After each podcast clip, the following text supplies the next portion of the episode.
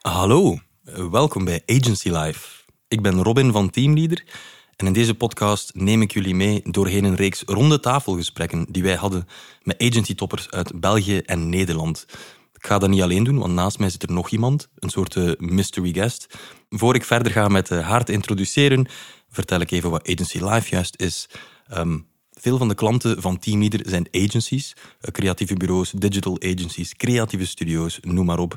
En wij horen dat die benieuwd zijn naar hoe hun conculega's bepaalde zaken aanpakken. Klantenwerving, prijszetting, interne organisatie, uh, noem maar op. Dus waren wij heel erg benieuwd om het hen op de man en de vrouw af te, te vragen hoe ze dat soort uitdagingen, dat soort dingen aanpakken binnen hun uh, bedrijf. En baraboom barabing, Agency Life was geboren. Agency Life. Agency Life. Maar naast mij zit dus nog iemand, namelijk de ravissante Louise van Com Co. Dag Louise.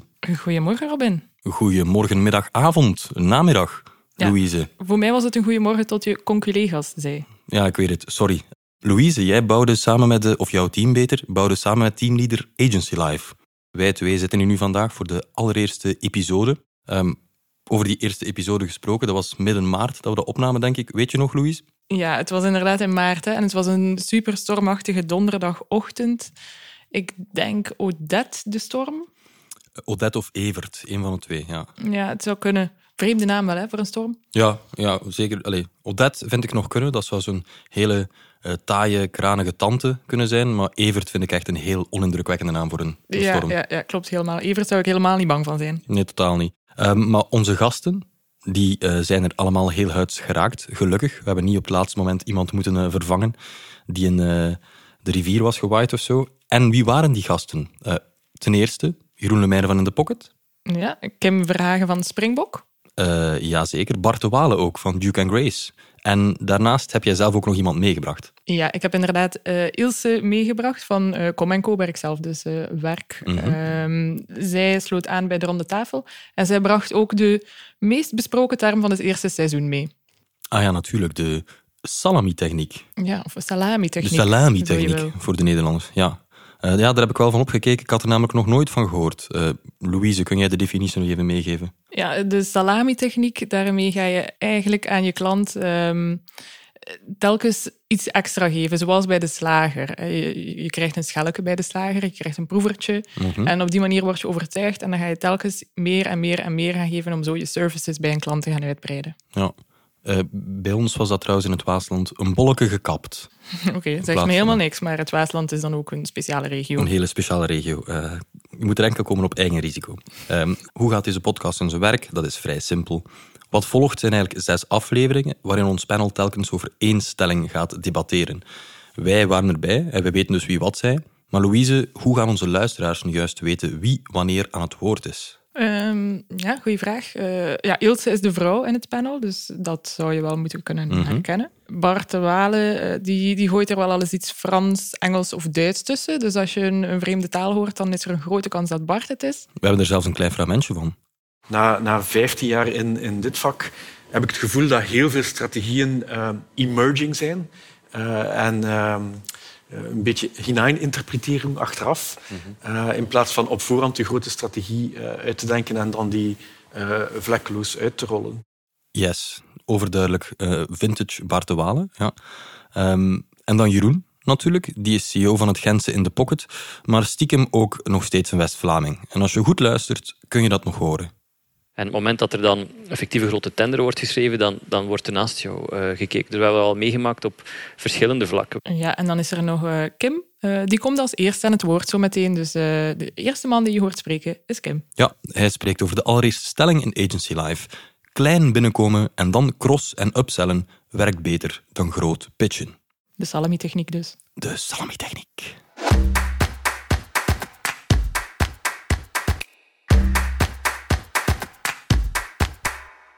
Dat was een eh, belangrijk onderwerp. Van, eh, we hebben een aantal pre-kwalificatiegesprekken gedaan natuurlijk. En één ding dat wij inderdaad wilden weten, ehm, is het land and expand of is het een volledige big bang? eh? De salami-techniek viel ook wel een keer.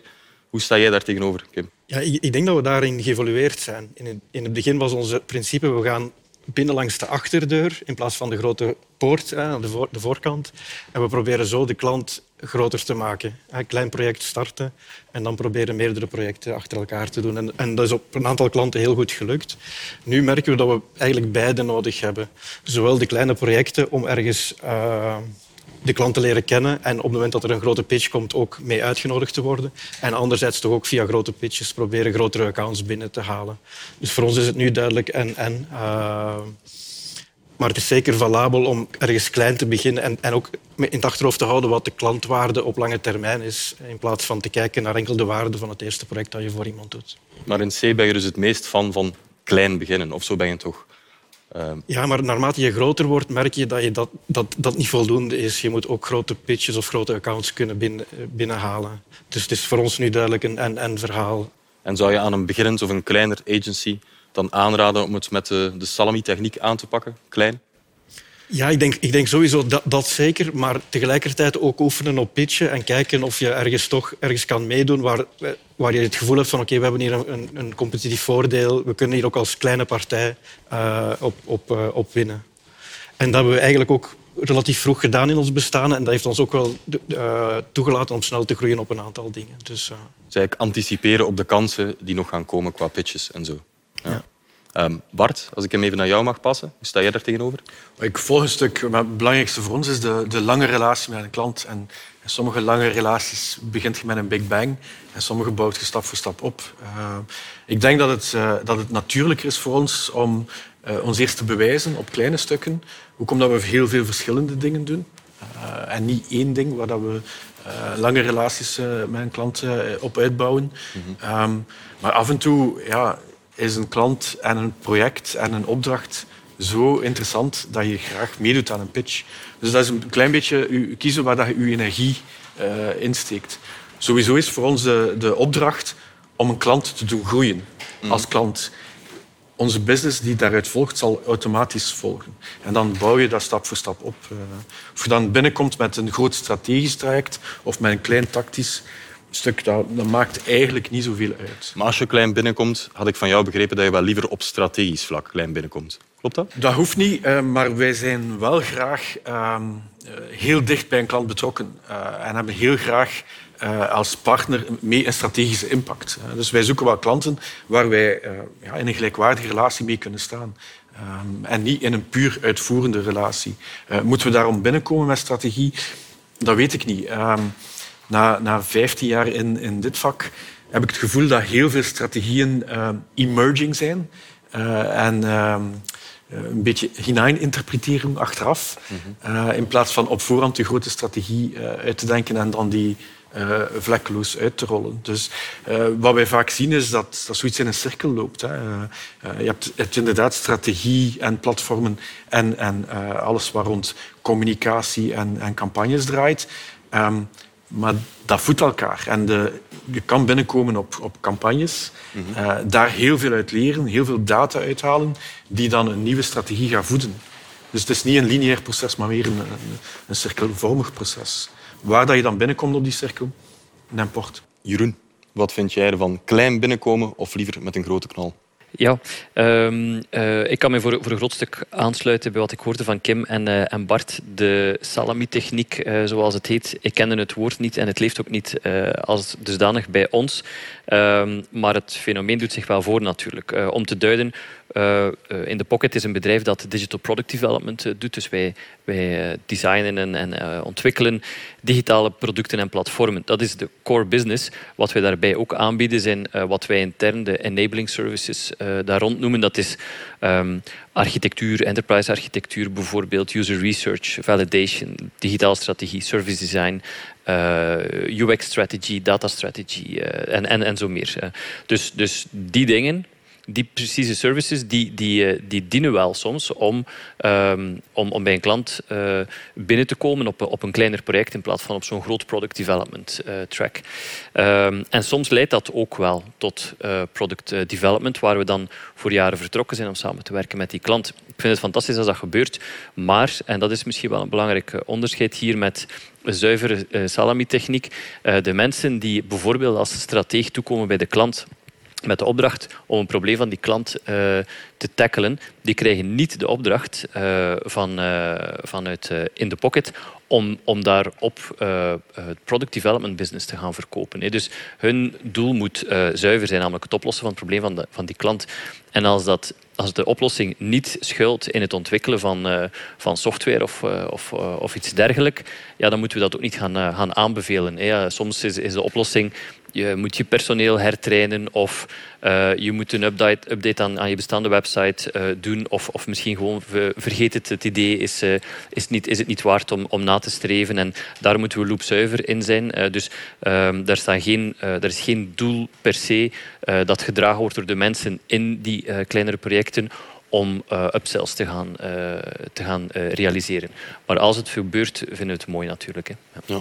Heeft het ook iets met budget te maken, waardoor je per definitie meer neigt naar een, een grotere Big Bang? Natuurlijk. Hè. Dus, dus een, als je, met een Big Bang, ik bedoel dan een klant heeft al beslist van oké, hier moet uh, een, een, we staan voor een, groot, uh, grote software-uitdaging. we, gaan, we gaan een website, een app, we moeten API's of, of, of we moeten iets in de cloud uh, gaan bouwen. En we zoeken daar een expert voor. En als, we, als ze dan bij ons terechtkomen en we, dan, en we kunnen meestappen in die, in die pitch en we winnen die, dan gaat dat over veel grotere budgetten natuurlijk dan zo'n strategische track. Dus dat is veel interessanter voor onze, voor onze omzet en voor onze, en voor onze groei. En, en ik denk dat ja, het, het, grootste deel van onze omzet ook gerealiseerd is door dergelijke uh, pitches binnen te halen. Ja. ja. Ilse, ik ga hem een keer aan jou geven. Ehm, Big Bang of salami-techniek. Jij kent hem wel degelijk wel, ja. die term? Ja, ik ben zelf een hele grote liefhebber lang geweest van de salami-techniek. Ehm, klein binnenkomen, steeds meer contactpersonen bij de klant en zo groeien. Uh, dat hangt natuurlijk ook samen met wat wij doen. Uh, content vandaag is dat voor veel bedrijven echt zit dat in het hart van hun marketingstrategie. Uh, tien jaar geleden of vijftien jaar geleden was dat helemaal niet het geval. Was dat echt van daaruit... wij konden daar binnenkomen en van daaruit zo echt wat verder gaan graven. het grote voordeel was dat je de klant rustig kon leren kennen en echt in de diepte kon gaan in alles wat zijn content was. Het grote nadeel was dat wij soms uh, uh, in een situatie zaten dat wij al vijf jaar voor een klant werkten. Dan was er een mega schoon en mega groot project en werden wij eigenlijk niet gevraagd omdat ze niet aan ons dachten gewoon. Dus uh, dat, dat was wel frustrerend. Dat is, ja, dat is ook een reden om over die salami-techniek een keer serieus te beginnen nadenken. Zo. Van oei, gaan we dat zo blijven doen? Uh, in de loop der jaren hebben wij natuurlijk contentstrategie mee aangeboden. Dat, dat dat is echt een, een aanbod dat nu heel erg draait. Dus vandaag komen we veel binnen langs die kant. Uh, en op een bepaald moment hebben we ook beslist van oké, we gaan mee pitchen. Ook al ben ik daar persoonlijk uh, geen groot uh, liefhebber van, van pitches. Ehm, maar we gaan mee pitchen om onszelf te testen. Een keer te zien waar dat we staan tegenover anderen. Ehm, en om af en toe binnen te komen langs de grote deur. Gewoon. Wat ook nadelen heeft. Hè. Het is niet omdat je langs de grote deur binnenkomt uh, dat iedereen daarmee akkoord gaat. Dat je... En wat dat voordeel is van de salami-techniek, is dat je breed gedragen wordt in, in een bedrijf. Dat je je klant zeer goed kent. Uh, als je binnenkomt met een pitch, ja, dat is een lucky shot op dat moment. En dan kan het zijn dat dat echt goed klikt, maar het kan even goed zijn dat je na een poos denkt, ja, mm, met je klant, dat, dat, dat vlot niet echt gelijk dat moet zijn. Dus ja.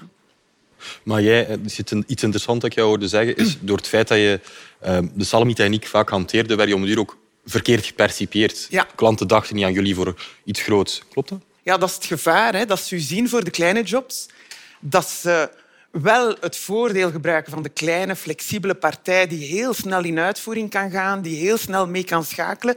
Maar op het moment dat ze dan een grote campagne willen doen, dat, ze, dat dan eigenlijk niet, uh, niet de reflex komt van ah, we kunnen het aan hen ook vragen. Dus ja, dat is nefast voor, u, voor de beeldvorming die er is over, u, uh, over uw bedrijf. Dus dan is het echt wel het moment om in te grijpen. Bart, soms heb je dan ook wel de, de curse of knowledge. Um, dan ken je die klant ja. zo goed. Ja. Um, dan weet je wat de mogelijkheden, maar misschien ook de limieten zijn van een klant. Um, dat is, ja. En als je als buitenstaander binnenkomt in een grote pitch, dan heb je al die limieten niet. Ja. Uh, en dan, ja, dan kan je een groot verhaal vertellen waar iedereen geenthousiasmeerd door wordt, maar misschien nooit gerealiseerd wordt. Um, dus dat is iets wat je goed in de gaten moet houden, denk ik. Um, als buitenstaander, zelfs hoe, hoe lang dat relatie met een klant ook is, hoe diep dat je daar ook uh, waarde levert, dat je toch die frisse ogen uh, blijft houden en, en toch af en toe een keer probeert achteruit te stappen en doen alsof het een pitch is voor die klant. Ja, ja, dat is een drama natuurlijk. En dat is iets dat, dat wij ook zeer vaak voor hebben. Dat je eigenlijk een aantal mensen hebt die al zo lang voor de klant werken dat ze echt precies weten waar dat de grenzen liggen. Die gaat dat niet willen, die gaat dat niet willen. Dat gaan we zo niet mogen zeggen. Die kleur mag niet van de dienen. Ah, dan zit je vast ja, natuurlijk. En soms wil je dat doorbreken. Hè? Ja. Ik, ik, denk ook dat er een risico is soms als je te klein binnenkant binnenkomt en je kan daar dan niet het verschil gaan maken, dat op het moment dat er aan een grote vraag gedacht wordt, dat je niet wordt beschouwd als, als een van de mogelijke partijen. Dus, dus dat je ook heel zorgvuldig moet zijn in wat je uitvoert als klein project. Uh, dus mijn groot project, uitstekend uitgevoerd, kan je al een betere impact maken of een beter visitekaartje achterlaten dan met de. Ja, of, of je, kan, je kan met een klein project ook denken van oké, de beste mensen staan op de grote klanten en op de grote projecten. En, en dit, is, dit is een minder belangrijk uh, project voor ons qua budget. Waardoor dat je misschien in de uitvoering niet altijd de kwaliteit gaat leveren die je, die je zou leveren als je, als je meer middelen ter beschikking hebt of een grotere klant hebt. Ja. Dus, het is soms ook een gevaar van um, typecasting. Hè? Dat uh, je komt binnen als bijvoorbeeld effectieve strategische partner en dan zegt die klant dat is onze strategische partner. En dat is, ja, je zit daar ergens in dat bewustzijn verankerd uh, als uh, de partij die je belt voor een strategische uitdaging. En het moment dat er dan effectieve grote tender wordt geschreven, dan, dan wordt er naast jou gekeken. Dus we hebben al meegemaakt op verschillende vlakken. Wij hebben klanten waar we veel doen op vlak van AI en waar we over het hoofd gezien worden als er een app moet gemaakt worden. Hebben ook het omgekeerde al meegemaakt. En ik denk dat dat misschien, ehm, dat gaat zich ook afspelen als je in die land and expand denkt te zitten als agency of als studio. Je denkt van we beginnen klein en we gaan het opbouwen, maar die klant ziet het helemaal niet zo. Die heeft jou daar netjes in een hokje gestoken als ah, eh, dit is onze partner voor user research. Dus je moet daar wel denk ik een expliciete dialoog over uh, gaan voeren dan en niet hopen dat je gewoon plots opgepikt zal worden voor iets anders, denk ik. Dat schoot me ook net te binnen. Ga je dan zelf iets van zeggen? Ben je dan de, de assertieve netwerker die zegt aan de klant van hey, we vinden het jammer dat we niet worden overwogen voor zoiets. ben je dan het gesprek? Maar natuurlijk, uh, de, ik, ik, ben daar eigenlijk heel graag vocaal over tegen, tegen klanten. Het moet interessant zijn voor, voor beide partijen. Dus de bedoeling is dat de klant, door, door met ons samen te werken, dat hij daar ook echt de benefits aan, uh, aan heeft. Dus uh, het zij betere producten, sneller in de markt, uh, het zij meer impact, meer, meer resultaat. Dus dat moet er zijn. Um, maar wij moeten er ook centen aan verdienen en, en, en, en graag op een, op een, een duurzame, consistente, correcte manier. En dat mag je op tafel leggen, vind ik. Blijft een vertrouwensrelatie langs beide kanten. Ja, ja en, en dus dat, dat vertrouwen moet ook echt een ja, dat, moet, moet geen fluffy dialoog zijn. Hè. Mag ook echt zeggen van uh, wat, wat, wat, doen we graag, wat doen we goed, uh, wat betekent deze relatie commercieel voor ons, hoe zien we daar de toekomst van. Ik zie niet in waarom je dat gesprek niet zou moeten voeren met een, met een klant. Ziezo, aflevering 1 zit er alweer op en ik heb heel interessante dingen gehoord. Enfin, ik was er de eerste keer ook bij, maar het was leuk om ze opnieuw te horen. En ik heb ook vooral veel zin gekregen in een pistolet met salami. De volgende keer, Louise, hebben wij het samen over de ideale klant. Uh, wie is hij of zij? Wat doet hij of zij? En wat drijft hem of haar? Ja, en ook uh, die niet-ideale klant dan. Wijs je die de deur of is dat onbeleefd? We bespreken het volgende keer. Ja, en um, wil je ondertussen meer inzichten van deze en van andere Belgische en Nederlandse agencies, dan uh, verwijs ik jullie door naar uh, www.agencylife.be. Er is ook een .nl en zelfs een .fr maar je kan ook inschrijven via de show notes van deze podcast op onze nieuwsbrief. Tot de volgende. Tot de volgende, Louise.